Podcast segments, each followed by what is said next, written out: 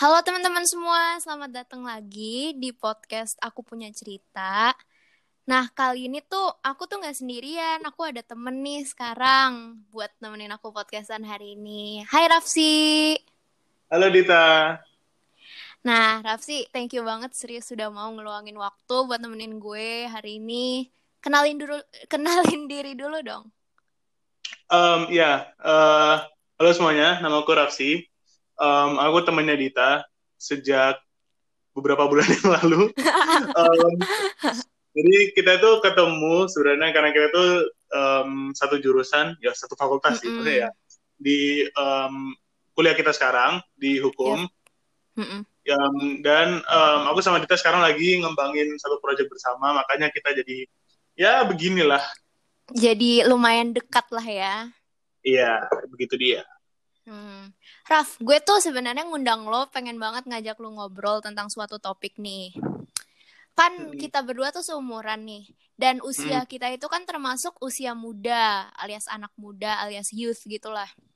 Hmm. Menurut lo, pemuda tuh bisa ngapain sih buat ngasih kontribusi ke masyarakat? Hmm, ya. Um, sebenarnya kalau misalkan ini um, apa ya? Ini suatu persoalan yang agak gimana ya uh, agak kayak sedikit susah dijawab langsung kayak dalam satu kalimat gitu ya atau um, kayak beberapa kalimat singkat. juga nggak apa-apa. Okay, santai okay, okay. aja. Um, jadi um, kalau misalkan sebagai pemuda itu sebenarnya caranya banyak kan kayak um, kita give back to the community. Eh maaf ya agak bahasa Inggris dikit. Kadang susah cari bahasa Indonesia um, kadang kita kadang kita kayak kasih kasih apa ya apa yang kita punya kepada komunitas misalkan dengan skill kita atau mungkin dengan uh, kelebihan yang kita punya kita ke impact orang-orang di sekitar kita itu gimana pun caranya itu mungkin bisa gitu loh dipakai sebagai um, apa ya media kita untuk memberikan kembali gitu. Misalkan um, kalian punya skill yang kayak misalkan kalian jago bahasa Inggris misalkan ini paling gampang ya. Misalkan kalian jago bahasa hmm. Inggris.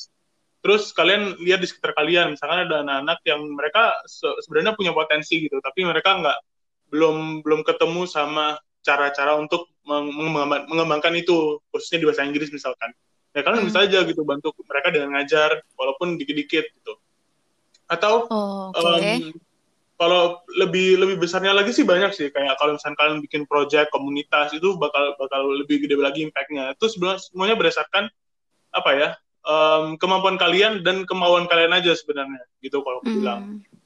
Berarti itu berarti balik lagi sama inisiatif dari diri masing-masing ya nggak sih? Iya benar. Betul, dan kayak aspiratif yang kita kembangin tuh bisa termasuk kontribusi nggak sih menurut lo? Kalau menurut gue sih ada kontribusinya dikit lah ya.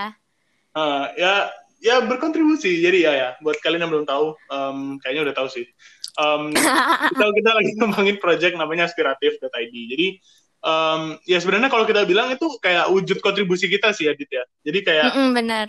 Um, kayak kan kan kalau tadi aku kasih contoh misalkan kita berkontribusi kepada orang sekitar kita, um, misalkan orang yang lebih kecil, anak-anak yang lebih kecil daripada kita, kalau misalnya aspiratif itu kita mau berkontribusi uh, dengan memberikan suara kepada orang apa anak-anak yang seumuran kita gitu, sesama anak kuliah misalkan untuk bersuara hmm. gitu. Hmm, benar sih benar. Dan kayak jujur ya, kalau dalam ngembangin aspiratif sendiri, dalam melakukan beberapa inisiatif tuh, gue tuh suka nggak pede gitu loh, Raf. Kayak gue hmm. ngerasa, ah, emangnya gue siapa sih? Kok gue sok-sokan banget bikin kayak gini? Emang hmm. gue capable enough buat ngelakuin hal itu? Kalau pendapat lu tuh gimana sih? Kalau kita ngerasa kayak gitu? Ya sebenarnya simpel aja sih. Kayak kalau misalkan aku bilang dari awal dulu, misalkan aku um, apa ya? Karena aku juga awalnya nggak langsung kayak ngembangin aspiratif gitu kan. Pasti kan ada prosesnya kan. Semua orang kan pasti ada hmm. proses. Dan ya semua orang pasti pernah pada tahap gitu gitu loh. Jadi kayak kalau menurutku sih satu aja um, yang aku tekanin bahwa gini, um, kalau misalnya if you think you are never you're not capable, if you always think that you're not capable, kalau kalian selalu berpikir kalian nggak bisa, kalian nggak bakal nggak bakal akan pernah bisa karena kalian nggak bakal pernah mulai gitu loh. Jadi kayak mulai hmm. aja dulu gitu. Kayak the the earlier you start, the the earlier you know if you're really capable gitu. Kayak dan kalau misalnya kalian gagal misalkan um, misalnya kalian punya passion gitu ya kalian sudah mulai tentang sesuatu tapi kalian pada akhirnya merasa nggak cocok di situ atau kalian um, memang merasa bukan bukan bidang kalian di situ ya jangan jangan putus asa gitu. Karena memang setiap orang itu kadang butuh beberapa kali percobaan itu percobaan mulai-mulai itu sampai mereka menemukan apa yang mereka mau lakukan sebenarnya. Jadi kayak jadi kayak it takes time. It really takes time. Hmm. jadi kayak eh, enjoy the process aja jangan dipaksa oh harus segera nih dapat ini gitu nggak nggak usah gitu Berarti kayak spend some time buat nge-explore diri sendiri, buat nemuin Hmm. apa yang cocok buat diri kita sendiri gitu ya nggak sih? Hmm. Iya benar Jujur ya, gue gue sekalian curhat du- eh, dikit deh ya. Gue di Hmm. aspiratif tuh juga sering ngerasa nggak pede dan kayak gue ngerasa emangnya gue bisa ngelakuin hal-hal kayak gini. Terutama teman-temannya orang kayak lo, kayak yang lain juga. I feel Hmm. unexperienced gitu loh, inexperienced Hmm. ya, itulah nggak ngerasa nggak berpengalaman. Hmm. Tapi ya benar kata lo, gue gue rasa kayak ya udahlah lakuin aja. Kalau nggak Hmm. ngelakuin, gue nggak bisa tahu gue bisa atau enggak gitu sih. itu dia that is true Mhm. Nah, kalau dari segala aktivitas lo yang udah lo lakuin dan di aspiratif ini sendiri juga, lo nemuin hambatan-hambatan gitu nggak sih? I mean apa ya? Um, pasti ada sih hambatan tuh ada. Kayak ah, kalau kalau aku bilang um, hambatan tuh bisa dibagi dua sih. Kayak Hmm. hambatan yang kayak di diri kita sendiri dan hambatan yang kayak um, di luar diri kita. Misalkan gini, kalau misalnya kita bekerja di tim tuh, itu kan kayak hambatan yang pasti ada itu kan kayak communication gitu kan. Hmm, benar benar Ah. benar banget.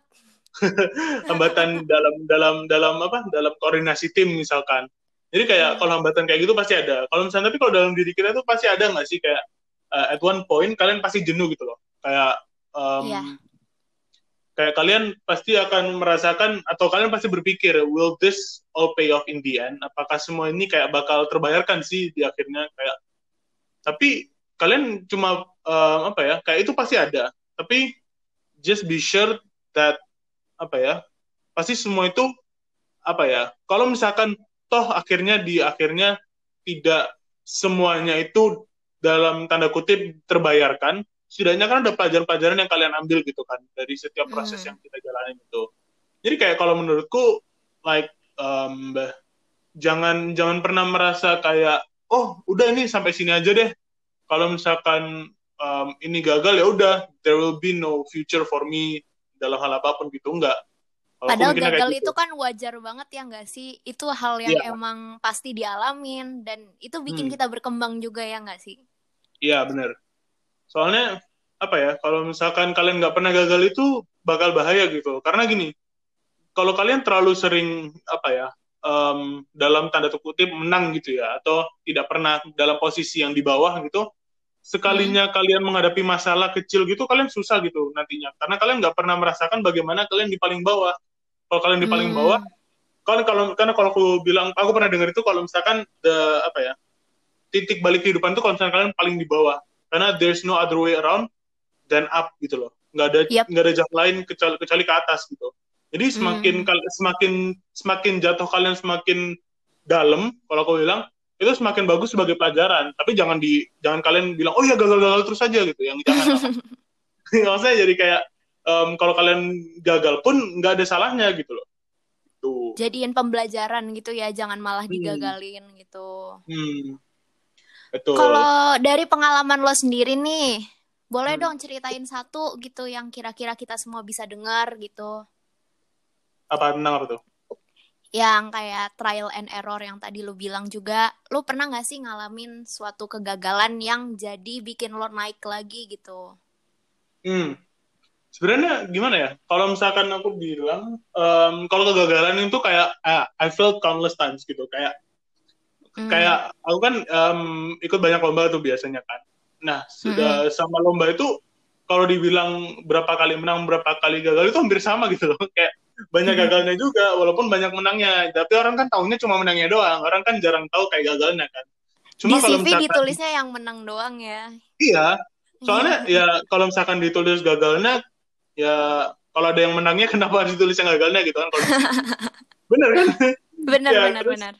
tapi kalau misalkan ngomong trial and error sebenarnya banyak gitu kayak trial and errorku bisa dihitung setidaknya tiga kali gitu dalam dalam jangka waktu aku mencari passionku ya Mm-mm. atau mencari my purpose gitu kayak dari SD itu misalkan aku awalnya suka hal-hal yang berbau science mathematics gitu kan Oke. Terus SMP ganti lagi robotics. Terus ganti Hmm. SMA ganti lagi debat.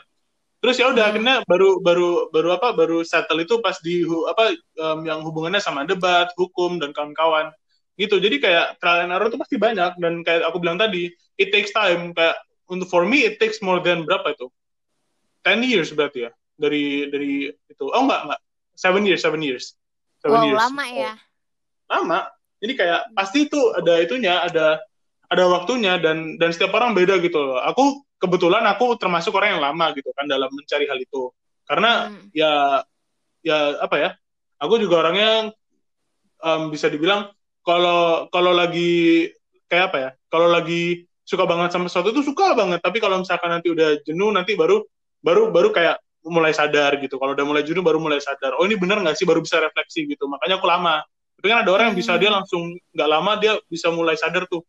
Em, oh ini bener nggak sih kayak is this my calling gitu. Gitu. Bener sih. Kalau gue pribadi ya, ini gue sekalian cerita juga. Gue Hmm. tuh eh, tahap nge-explore diri banyak-banyak tuh justru pas SD, Raf. Jadi gue pas Hmm. SD tuh beneran ikut segala macem kayak gue nari, gue ngapain, gue main golf juga SD.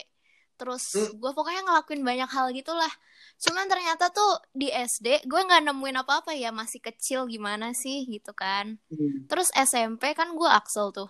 Axel tuh kan sibuk, gue nggak bisa ngapa-ngapain. Jadi gue nggak bisa Hmm. explore diri gue lebih jauh. Hmm. Nah, ternyata di SMA tuh gue masih ke bawah mental pas Axel, di mana gue lebih fokus sekolah pulang sekolah pulang gitu loh. Dan Hmm. ternyata gue mikir kayak, wah kok gue beneran gak ada pengalaman apa-apa, terus gue belum tahu passion gue apa juga. Jadi ya kayaknya, nah menjelang mau kuliah ini gue mulai explore lagi, gue mulai bikin podcast kayak gini, gue internship juga, ya gitu deh, kayak bener sih kalau tahapan buat nyari apa yang cocok buat kita dan bisa kita terapin ke masyarakat tuh prosesnya panjang sih dan itu emang Hmm. ngelewatin banyak tahapan kayak bimbang juga terus Hmm. kayak keraguan gitu ya nggak sih Betul betul betul. Pasti pasti. Hmm. ya gitu terus lo ada itu nggak ada pesan buat teman-teman yang dengerin sekarang mungkin mereka juga pengen bisa melakukan sesuatu yang bisa ngasih kontribusi ke masyarakat lo ada kata-kata Hmm. apa gitu nggak Kalau misalkan apa ya, buat kalian yang masih bimbang, misalkan belum tahu apa ya, pastinya kalian mau mau ngapain gitu kan di ke depannya. Kayak kalau aku bilang gini aja, em, kayak sebenarnya ini this is very apa ya, rhetoric kayak dalam artian kalian pasti sering dengar kayak go with the flow, tapi jangan cuma go with the flow dalam artian kalian kalau nanti pas kuliah, misalnya kalau kita sumuran kan, kita pasti di Hmm. maba terus kuliah cuma kuliah pulang kuliah pulang enggak masa go with the flow itu gimana? Kalian tetap jalanin lakuin kegiatan kalian sehari-hari, tapi Hmm. sambil kalian itu cari tahu sebenarnya em, yang interesting buat aku itu apa sih? Kayak misalkan kalian cari aja misalkan tuh kegiatan-kegiatan. Pasti tapi ke- kalian jangan maksain, oh aku harus dalam dalam waktu satu tahun ini aku explore kegiatan ini semua gitu. Jangan, kalian cari aja kes- kesenangan kalian. Jangan batasin em, kalian diri kalian misalkan kalian kalian mau mencoba tiga tiga kegiatan nih terus kalian harus Oke. nargetin setiap empat bulan itu kita aku pindah kegiatan pindah kegiatan gitu jangan kalau misalkan kalian memang merasa nyaman di kegiatan pertama misalkan em, dalam waktu enam bulan baru kalian bisa merasa jenuh atau kalian merasa sadar kalau itu bukan em, passion kalian atau purpose kalian terus kalian pindah gitu ba- baru kalian pindah ke yang lain. Terus kalau misalnya di kedua kalian udah misalkan ketemu nih kalian oh itu benar-benar passionku gitu ya. Nggak usah Hmm. kalian paksain ke yang ketiga gitu. Ya kalau memang itu eh, passion kalian purpose kalian ya udah lakuin aja di situ gitu. Jadi kayak go with the flow-nya itu di situ dalam artian itu gitu. Hmm. Bener sih, kayak kalau emang lo udah ngerasa nyaman sama satu hal ya udah jalanin aja gitu loh. Hmm. Kayak kalau emang ngerasa nggak nyaman lagi baru pindah cari yang lain. Gitu. Hmm. Kalau dari gue sih ya buat temen-temen tuh gini, jangan takut buat ngelakuin suatu hal dan omongan orang lain tuh bukan hambatan buat lo semua, buat teman-teman semua gitu loh kayak. Soalnya gini Raf, gue gue tuh tahu kayak banyak yang mau ngelakuin sesuatu tapi tuh Hmm. malu ngerti malu nggak sih kayak takut respon orang gimana gitu oh iya iya. Lo sendiri pernah nggak sih ngerasa gitu? Kayak mikirin respon orang kayak gimana? Ya pernah. Ya kayak pas mulai aspiratif ini kan juga pasti kita masa masa have you apa ya? Masa kamu nggak pernah itu sih dit? Kayak apa tuh? merasa merasa kayak kita di awal itu kayak oh bakal bakal positif nggak sih respon dari orang-orang? Mesti pernah ngerasa gitu Iya. nggak sih? Ngerasa Bahkan- lah gue gue social media manager anjir. Gue gue paling ngerasa apalagi em, itu tapi kerasanya kalau kita di aspiratif kan kita kan konten base ya. Jadi malah kita ngerasanya tuh setiap konten gak sih dit sebenarnya? Iya kayak benar setiap yang muncul itu pasti kayak gitu. Jadi kayak ya pasti ada kayak gitu. Hmm, tapi kayak itu bukan hambatan buat kita. Hmm. gitu sih. Ya kira-kira gitu teman-teman.